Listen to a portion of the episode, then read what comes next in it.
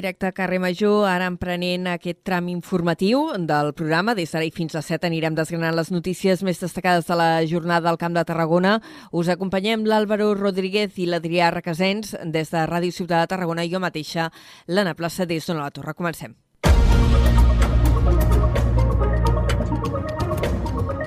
I ho fem explicant que els Mossos d'Esquadra han desmantellat un dels principals punts d'adulteració i distribució de droga de la costa tarragonina. En l'operatiu que es va realitzar divendres s'han detingut quatre persones, dos homes i dues dones, d'entre 27 i 54 anys. El jutge ha decretat l'ingrés a presó per a la principal investigada en aquest cas i llibertat amb càrrecs pels altres tres. Adrià Requesens, bona tarda. Bona tarda, Anna. Doncs sí, se'ls investiga per uns eh, presumptes delictes contra la salut pública. La investigació es va iniciar a principis d'any per l'afluència continuada de molta gent en els baixos d'un bloc del carrer Carril de Salou i els Mossos van comprovar si se venia droga que era subministrada des d'un pis de la Pineda. En els dos escorcolls es van localitzar 30 grams de cocaïna en roca, 100 grams de xis, 2 grams de MDMA i 7.000 euros en efectiu. Segons la policia, una de les detingudes preparava derivats de la cocaïna altament altament nocius i generaven addicció i lesions irreparables en el sistema nerviós. D'altra banda, els Mossos d'Esquadra han detingut també un home per apunyalar-ne un altre durant una baralla al port de Tarragona. Els fets es van produir dissabte a la matinada. Els agents van ser alertats de la baralla de, pels propietaris del local on es va produir i van poder detenir a un dels presumptes involucrats. L'acusen de temptativa d'homicidi. L'altre home va resultar ferit i va ser traslladat a l'Hospital Joan 23 de Tarragona. Els Mossos han pogut recuperar l'arma blanca utilitzada i la unitat d'investigació de Tarragona es farà càrrec de les diligències. Els bombers han donat per controlat ja aquest matí l'incendi que es va declarar ahir diumenge al terme de Roda de Barà. El foc ha afectat 1,6 hectàrees i va obligar a confinar veïns i a tallar també durant uh, diverses hores la línia R13 de regionals, de regionals que uneix Lleida i Barcelona per Valls. El foc va cremar a tocar de la urbanització Baramar i quatre persones van haver de ser ateses per inhalació de fum. Els bombers van activar 16 dotacions i aquest matí ja n'hi quedaven dues remullant la zona. I de camí cap a les municipals, el butlletí oficial de l'Estat publicarà demà dimarts la convocatòria de les eleccions municipals del 28 de maig, també de les autonòmiques, que es celebraran en alguns eh, territoris, aquí no. Eh, les formacions polítiques podran presentar les seves candidatures a partir del dia 19 d'abril i fins al dia 24. Dos dies després, el 26 d'abril, es publicaran les llistes i les juntes electorals informaran de possibles irregularitats i obriran un termini d'impugnació fins al 28 d'abril. El dia 2 de maig es coneixeran, per tant, tots els candidats. La campanya electoral començarà a les 0 hores del divendres, a 12 de maig, a mitjanit, i finalitzarà a la del divendres 26 de maig. D'altra banda, avui dilluns s'ha obert el termini per demanar el vot per correu. I enmig de tot aquest context, l'Ajuntament de Tarragona ha presentat avui un nou portal web per poder seguir en directe els resultats durant la nit electoral. S'accedeix a través de l'adreça tarragona.cat barra eleccions i també s'hi poden consultar les dades del cens electoral i els resultats dels comicis anteriors. Des de Ràdio Ciutat de Tarragona té tots els detalls l'Àlvaro Rodríguez. L'Ajuntament de Tarragona ha renovat el portal web per seguir les eleccions municipals oferint un servei d'estadística actualitzat en directe. De fet, el portal tarragona.cat barra eleccions ja és accessible a la ciutadania on es poden consultar els resultats històrics des de l'any 1983. En aquest portal també es podrà consultar el cens electoral que li pertoca a cada habitant, així com la participació desgranada per partits, zones i districtes. L'Ajuntament ha presentat també un espai per als mitjans de comunicació on la informació del cens s'actualitzarà i es desglossarà de manera automàtica segons siguin registrats per funcionaris de l'INE durant la nit electoral. Jordi Fortuny, primer tinent d'alcalde de Tarragona, assegura que aquesta eina revolucionarà la cobertura informativa dels comicis locals. I tindrem una eina, jo crec que interessant, pel que és la nit electoral i després per l'anàlisi dels següents dies. I un abans i després amb el que és el tractament de la informació de les eleccions eh, aquí a Tarragona. Fortuny ha manifestat que aquest portal s'anirà actualitzant fins que es tanqui el cens electoral. El projecte l'han realitzat els tècnics interns de l'Ajuntament de Tarragona. I en paral·lel continuen els moviments dels partits en aquesta precampanya. El PSC de Tarragona ha anunciat avui que vol recuperar la figura del regidor de barri. De fet, també ha donat a conèixer les carteres que ocuparien els primers noms de la llista si accedeixen al govern. Novament des de Ràdio Ciutat de Tarragona, Álvaro Rodríguez. El PSC de Tarragona intensifica la seva precampanya desgranant alguns detalls del seu programa electoral. Aquest dilluns, el candidat socialista Rubén Viñuales ha fet pública la voluntat de recuperar els regidors de barri.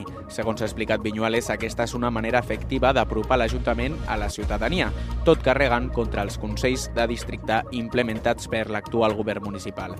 L'alcaldable ha definit també les àrees a les quals apunten els primers quatre noms de la seva llista. D'aquesta manera, Montse Adán voldria ocupar Comerç i Turisme, Berni Álvarez apunta a la Conselleria d'Esports i de Turisme Esportiu i Sandra Ramos busca liderar l'àrea de cultura. D'aquesta manera, emulant la fórmula de Salvador Illa, Piñueles assegura que el PSC estableix el seu full de ruta per a aquestes eleccions. El que sí hem de pensar és que hem de planificar, hem de tenir una fulla de ruta de com volem governar i de quina manera, a més a més, governar aquesta ciutat. Òbviament, després haurem de veure nombre de regidors, haurem de veure si hem de fer pactes, àrees, etc. No? Viñueles ha avançat que en els dies vinents detallaran com es relacionen els següents noms de la llista amb les àrees que pretenen governar. Més notícies en l'àmbit polític. Per la seva banda, Junts ha fet públic qui serà la número 2 de Jordi Cendra a les municipals de Tarragona. Serà l'actual regidora de Parcs i Jardins, Elvira Vidal. La formació també ha anunciat qui seran els números 3, 4 i 5 de la llista. Des de Ràdio Ciutat de Tarragona ens ho explica la Laura Rovira. Elvira Vidal, actual consellera de Parc i Jardins, Capacitat Diverses i Contractació de l'Ajuntament de Tarragona, serà la número 2 a la llista de Jordi Cendra, alcaldable de Junts per Catalunya a Tarragona. Elvira la seguirà en Pep Manresa, empresari i emprenedor tarragoní com número 3, Enric Batista, caporal dels Mossos d'Esquadra i fundador del col·lectiu gitano de la part alta, com a número 4, i Belén Riola, professora de Comerç i Màrqueting de l'Institut Vidal i Barraquer, com a número 5. Aquests són els primers noms d'una llista que, segons Cendra, és per guanyar les eleccions. Vidal era la gran incògnita i la sorpresa amb la que ha estat jugant el partit i s'ha mostrat molt contenta d'emprendre aquest repte i amb molta energia per seguir treballant per la ciutat amb el projecte de Junts per Catalunya, però això sí, com a independent. Per mi l'opció de Jordi Cendra és la que aplega tots els meus eh, les meves creences, les, els meus projectes. Crec en aquest home, crec en la seva força de voluntat, crec en les seves ganes de treballar per la ciutat. Cendra ha anunciat que en els propers dies desvetllarà la resta de noms de la llista i ha manifestat que Junts per Catalunya donarà la campanada a Tarragona. I a la Conca, Montblanc progressa. La formació que lidera l'actual alcalde Josep Andreu ha presentat, oferia ahir diumenge la candidatura un acte que es va fer al claustre de Sant Francesc i en què es va donar a conèixer ja tots els integrants de la seva llista.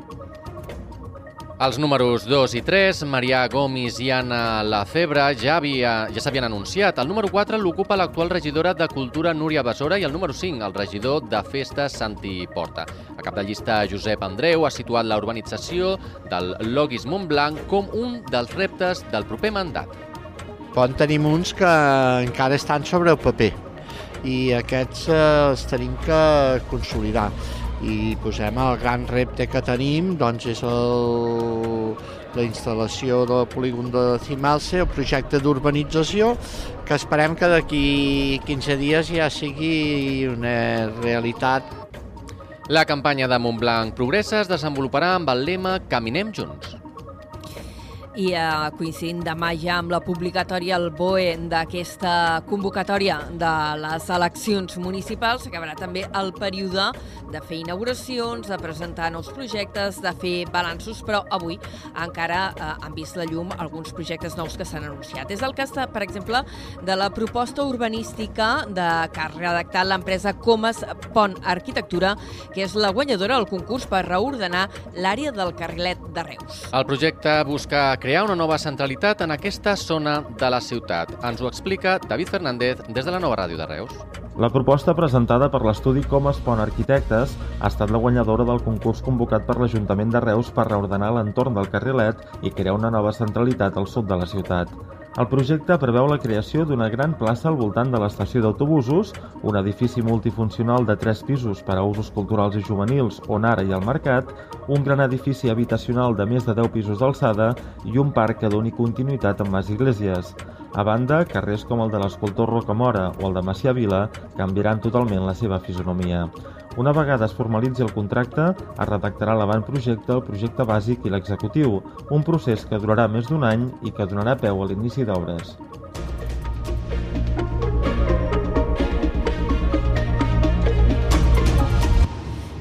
3 minuts per 3 quarts de 7 de la tarda. Parlem ara de patrimoni. Ho fem situats per començar a l'Alt Camp. Les obres de restauració del claustre gòtic del monestir de Santes Creus començaran la setmana vinent, concretament l'11 d'abril. La intervenció costarà 3,5 milions d'euros. La Generalitat n'aportarà dos i la resta vindrà d'un ajut de la Fundació La Caixa a través del programa Temps de Gòtic. Es calcula que les obres duraran 3 eh, anys. S'hi permeabilitzaran les eh, cobertes del claustre i es milloraran també els sistemes de drenatge de l'aigua per tal d'acabar amb els problemes d'humitat i garantixi la conservació d'aquesta part del monestir. Mentre durin les obres, el monument obrirà amb normalitat i les visites guiades s'adaptaran segons la seva evolució. A més, s'instal·larà un mòdul expositiu que a través d'un audiovisual explicarà la importància històrica i artística del claustre major del recinte. També s'ha previst col·locar un sistema de càmeres internes que permeti mostrar en temps real els treballs de restauració. I parlant de memòria històrica, ara ens situem a Reus, on l'Ajuntament ha instal·lat avui una placa en homenatge a Cipriano Martos al cementiri de la capital del Baix Camp. La placa es troba a la fossa on eh, durant més de 40 anys han estat soterrades les despulles del militant antifranquista mort a Reus. Des de la nova ràdio de Reus ens ho explica en David Fernández. Cipriano Martos Jiménez, Maldonadillo, Granada 1942, Reus 1973. En aquest espai reposaven fins al mes de gener del 2023 les restes de Cipriano Martos, sindicalista represaliat i assassinat pel règim franquista l'any 1973. Així comença el text d'una placa que l'Ajuntament de Reus ha instal·lat per recordar que durant 40 anys la fossa 1167 del cementiri de Reus va acollir el cos d'aquest activista mort per l'àcid sulfúric que li va fer ingerir la Guàrdia Civil. Carles Pallissers, alcalde de Reus. Per tant, avui aquesta placa el que significa és el, el record per a les persones i el record especialment per a Cipriano Martos, en el qual vam poder comptar amb la presència de la seva, la seva família, però perquè quedi constància i perquè no, repeteixi, no repeteixi mai més una, una acció lamentable. Els treballs d'exhumació van començar el mes de desembre en el marc del Pla de Fosses del Govern i van acabar a finals del mes de febrer amb la identificació del cos que va ser traslladat a la seva ciutat natal. Moltes gràcies, David. I encara un altre punt relacionat amb memòria històrica, ara situats a Tarragona, on aquest dissabte s'ha obert al públic el refugi antiaeri de la Guerra Civil que es conserva al subsol del Museu Bíblic. Una recuperació de l'espai que ha comptat amb una subvenció de 18.000 euros de l'Ajuntament de Tarragona. L'actuació ha inclòs la consolidació, la il·luminació i la senyalització d'aquest segon nivell del refugi que fins ara no es podia visitar. Un estudi encarregat l'any passat per l'Ajuntament de Tarragona, per cert, alerta de l'estat de degradació en què es troben les inscripcions romanes que es conserven als carrers de la Peralta. Els experts ho atribueixen als factors climàtics i també a l'acció humana. L'estudi també posa de manifest la pèrdua d'elements tipogràfics a causa del desgast i el creixement de vegetació. Per revertir la situació, els especialistes que han realitzat l'informe recomanen netejar les inscripcions com més aviat millor i consolidar les pedres per evitar-ne la degradació. També es recomana fer una fotogrametria de cadascuna de les peces per conservar-ne un model en 3D. Fins i tot es planteja la possibilitat de substituir les inscripcions originals per aquestes còpies en tres dimensions. I a cara a Tarragona, l'Ajuntament, l'Agència Catalana de l'Aigua i l'Associació Mediambiental La Cini han signat avui un acord per la naturalització del torrent de la Mora. D'aquesta manera, l'entitat ecologista assumeix la custòdia d'aquest canal i es dona resposta també a una reivindicació històrica per recuperar aquest entorn natural. L'objectiu és eh, que aquest torrent recuperi els hàbitats que li eren propis i també la connexió amb altres espais naturals de l'entorn com el bosc de la Marquesa i la Punta de la Mora. L'actuació es farà en l'espai natural comprès entre el Mas d'en Sorder i la platja de la Mora. L'alcalde de Tarragona, Pau Ricomà, ha remarcat que estan fixant l'atenció en una part del terme fins ara molt oblidada. Eh, de la zona de Tarragona, que a vegades no tothom té massa clar que és Tarragona, però ho és. Tota la banda que toca el riu allà, ho és. Per tant, estem dirigint la mirada en un sentit, jo crec, una sensibilitat cap a, cap a una zona que no estava fins ara, eh, vaja, que no continuar capgirant aquesta situació i millorant la, la generació. Ricomà també ha destacat que aquest conveni és una primera pedra per a la intervenció en fons europeus Next Generation presentada al gener. Aquesta contempla una inversió de més d'un milió d'euros per a una infraestructura antidesbordaments que permeti regular els cabals del canal de la Mora. Ens movem pel territori, tornem a la Conca de Barberà, on avui les famílies de Rocafort de Caral han tallat la carretera per reclamar una nova escola al municipi.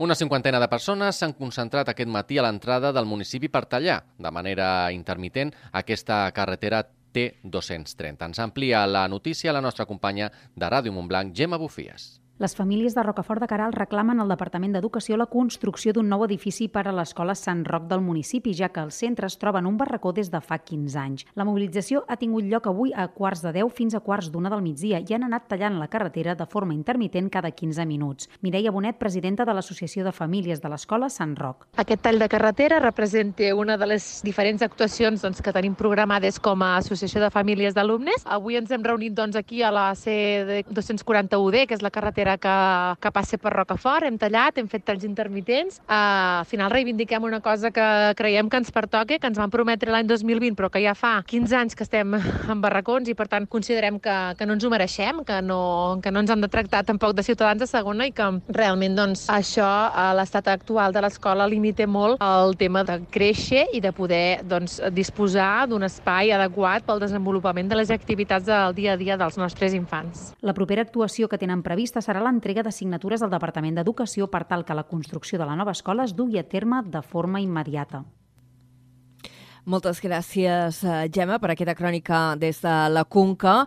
I encara parlant d'iniciatives relacionades amb l'educació, en aquest cas un servei que s'ha presentat avui, es tracta del nou espai de formació digital de l'Ajuntament de Torredembarra, que ja està en marxa. S'ha presentat aquest mateix eh, dilluns aquest nou equipament que es posarà a disposició de les diferents regidories del consistori. Des d'on a la torre ens ho amplia en Josep Sánchez. Amb el nom d'aula.tdb s'ha estrenat aquest espai que compta actualment amb 13 ordinadors però que s'ampliaran fins a 15. Està situat a les dependències municipals que hi ha al carrer Muralla i que actualment estaven sense ús. En els darrers mesos s'han fet obres per adequar aquest espai per esdevenir una aula de formació digital. L'alcalde Eduard Rovira ha comentat que amb la posada en marxa d'aquesta aula es vol optimitzar els recursos municipals dels quals disposa l'Ajuntament. Quan hi hagi una formació una mica més eh, ordenada i dirigida a un grup més nombrós, aquesta és l'aula que han de fer servir tots eh, d'acord amb les seves necessitats. Eh, per tant, és una manera d'optimitzar recursos eh, i ser més eficients amb aquesta oferta de digitalització en general que ja estem fent, però d'una manera molt reduïda a cada un dels departaments. Aquesta nova aula s'utilitzarà pel Servei d'Orientació Laboral de la Regidoria d'Acció Social, el Centre Obert Capicua, l'Escola d'Adults Mar de Lletres o l'Espai Jove. Gràcies, eh, Josep. I anem cap al Baix Camp. A Riudoms s'ha inaugurat el Centre d'Entitats i Formacions Les Escoles Velles. Aquest equipament estarà a disposició d'empreses, autònoms i també d'entitats del propi municipi. Des de BXC Ràdio ens ho explica en Miquel Llavaria. Riudoms inaugura el Centre d'Entitats i Formacions Les Escoles Velles, situat en l'antic Centre Educatiu Municipal. Aquest comptarà amb el suport d'un despatx tècnic, un gran espai dedicat al treball i sales d'actes i reunions per a les entitats, empreses i autònoms del municipi. L'alcalde de Riudoms, Sergi Pedret, assegura que es tracta d'un edifici amb un gran component emotiu per a la majoria dels riudomencs i riudomenques. Per altra banda, la sala d'actes de l'edifici ha estat batejada amb el nom del pintor Joan Baptista Cabrí, jove que sent per a la seva trajectòria professional vinculada amb Riudoms. D'aquesta manera, en la sala quedaran exposats diverses obres seves. Moltes gràcies i uh, seguim encara al Baix Camp, però a la part sud de la comarca, el Centre d'Estudis de l'Hospitalet de l'Infant torna a organitzar les jornades de la baronia d'Entensa amb la celebració de la seva segona edició. Oferiran diverses eh, conferències amb temàtica d'història i filologia durant el mes d'abril i també de maig. Des de Ràdio Hospitalet ens ho explica l'Iris Rodríguez. Les jornades de la baronia d'Entensa arrencaran el 14 d'abril amb una conferència titulada De l'altar a la tomba, matrimonis i enterraments dels primers comtes de les muntanyes de Prades i barons d'Entensa, a càrrec d'Estefano Maria, doctor en Filologia Romànica per la Universitat de la Sapienza de Roma, professor i historiador. La conferència tindrà lloc al Centre de Visitants de l'Hospitalet de l'Infant. Les segones jornades de la baronia d'Entensa, que se celebraran durant els mesos d'abril i de maig i que inclouen tres conferències a l'Hospitalet de l'Infant a Tivissa i a Falset, la presentació d'un llibre a càrrec d'historiadors experts en la història de la baronia a Pratdip i dues visites guiades a alguns dels elements patrimonials de l'època, al Castell de Mora d'Ebre i al Museu de les Mines de Bellmunt del Priorat. Aquestes jornades estan organitzades pel Centre d'Estudis de la Ribera d'Ebre, el Centre d'Estudis del Priorat, el Centre d'Estudis de l'Hospitalet de l'Infant, l'Arxiu Comarcal de la Ribera d'Ebre, el Centre d'Estudis Falsetans, l'Associació Cultural de la Riuada de Mora d'Ebre i l'Ajuntament de Pratdip. Gràcies. Si anem a parlar d'esports, eh, ho comencem amb el Nàstic que va empatar a 0 davant la Núcia en el partit que s'ha disputat aquest cap de setmana al nou estadi. Aquest resultat els ha fet perdre una bona oportunitat d'allunyar-se de la zona de descens. Des de Ràdio Ciutat de Tarragona ens ho explica l'Adrià Tella. El Nàstic de Tarragona empata sense gols davant la Nucía i deixa escapar l'oportunitat de fer un pas de gegant cap a la tranquil·litat posant una distància significativa al descens. L'empat no suposa un deltabaix gaire gran a la situació que ja hi havia, però és un clar símptoma que demostra que queda encara molt camí per recórrer abans de donar la permanència per lligada. El partit ha estat molt igualat amb dos pals de lupo i una recta final molt oberta. Dani Vidal, tècnic del Nàstic, s'ha mostrat contrariat pel resultat, però ha volgut destacar el progrés que considera estar fent l'equip en aquests cinc partits. Las notas prefiero dejarlas para final de temporada, con lo que me quedo con lo que he dicho, que semana a semana el equipo crece, gana registros, eh, mejora en aquellos puntos eh, débiles que, que, nos- que veníamos arrastrando en el primer tramo de liga y la verdad que las sensaciones, vuelvo a repetir, hoy el equipo ha hecho méritos de sobra para, para ganar y por tanto sensaciones positivas. El Nàstic no ha pogut guanyar un partit importantíssim contra el rival que marca la zona de descens. Primers dos punts que es deixa l'equip al nou estadi des de l'arribada de Dani Vidal. Un triomf hauria col·locat els granes en una situació força còmoda respecte a la zona vermella i esvaït molts dubtes, però la realitat és que el Nàstic s'ha quedat curt. L'empat canvia poc la situació, però és un clar toc d'atenció per tenir l'alarma encesa. Res està fet i s'haurà de remar molt encara per no patir fins al final. Per la seva banda, el CBT ha perdut en contundència davant del Valls en el derbi tarragoní que s'ha disputat aquest cap de setmana, aquest dissabte, concretament al Serrallo. I és que els dos equips s'han intercanviat les posicions a la classificació. El CBT ara és quart a la Lliga EVA i els ballencs tercers. Novament des de Ràdio Ciutat de Tarragona, Adrià Tella. El Club Bàsquet Tarragona ha encaixat una derrota dura en el derbi davant el Club Bàsquet Valls per 49 a 66 al pavelló del Serrallo. Els blaus cauen amb contundència davant els de l'Alcamp i perden així la tercera plaça, que ocupen ara els ballencs a falta de dues jornades pel final. Ha començat millor el Club Bàsquet Valls, que ha marxat amb avantatge al final del primer quart. S'ha recuperat el CBT per igualar el partit al descans, però el segon temps ha estat absolutament dominat pels visitants, que s'han endut un derbi amb poca història a nivell d'emoció. Berni Álvarez, tècnic del CBT, reconeix que el rival ha estat superior i parla de la situació física de l'equip en aquest tram final de temporada. Han sigut millor que nosaltres, la veritat és que han fet un partit molt, molt seriós. Nosaltres estem fregits físicament, fa dues setmanes que estem molt, molt, molt al límit a l'hora de- d'efectius i d'entrenar. Jo esperava que l'energia de tenir de jugar al derbi ens ajudaria doncs, per, per, per, per, man- per aquesta mancança no? de, de, d'energia, bueno, de falta de- d'energia que tenim les últimes dues setmanes, però no ha sigut així. Si a més a més sumem el desencert de la línia exterior, que ha sigut molt, molt exagerat per nosaltres, dir, ha sigut molt millors i, i ja està. No, no, podem, no podem pretendre guanyar un partit sense ficar 50 punts, és impossible. L'equip descansarà la setmana vinent, coincidint amb les festes de Setmana Santa i tornarà a la competició d'aquí a dues setmanes.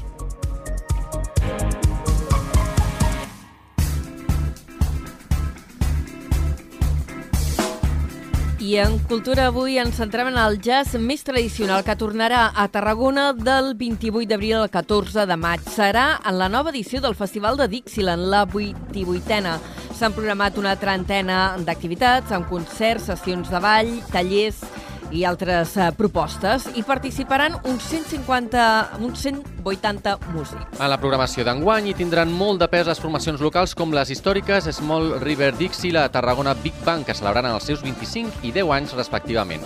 També destaquen noms com el pianista tarragoní Xavi Torres, que té una important projecció en el panorama jazzístic europeu, i també el trompetista cubà Carlos Sorduy, amb col·laborador, d'entre d'altres, de Chucho i Bebo Valdés. També hi haurà un concert de la cantant Magalí Sare. Inés Soler és la regidora de Cultura de Tarragona. tant, un any més tenim una nova edició d'aquest Festival Dixi, que a més tota la població espera amb candeletes, que és com l'avançada de, de l'estiu, i per tant la música ja es recorrerà tots els racons de la ciutat el 30 d'abril, Dia Mundial del Jazz, el Centre Cultural Antic Ajuntament esdevindrà un escenari obert per on passaran les principals formacions tarragonines. D'altra banda, la capsa de música serà la seu dels concerts adreçats al públic més jove amb diversos grups que han col·laborat eh, fins i tot amb catalans com Nati Peluso o Z Tangana. Doncs tanquem així aquest repàs a l'actualitat i tornem demà a les 4 amb Carrer Major. Adéu.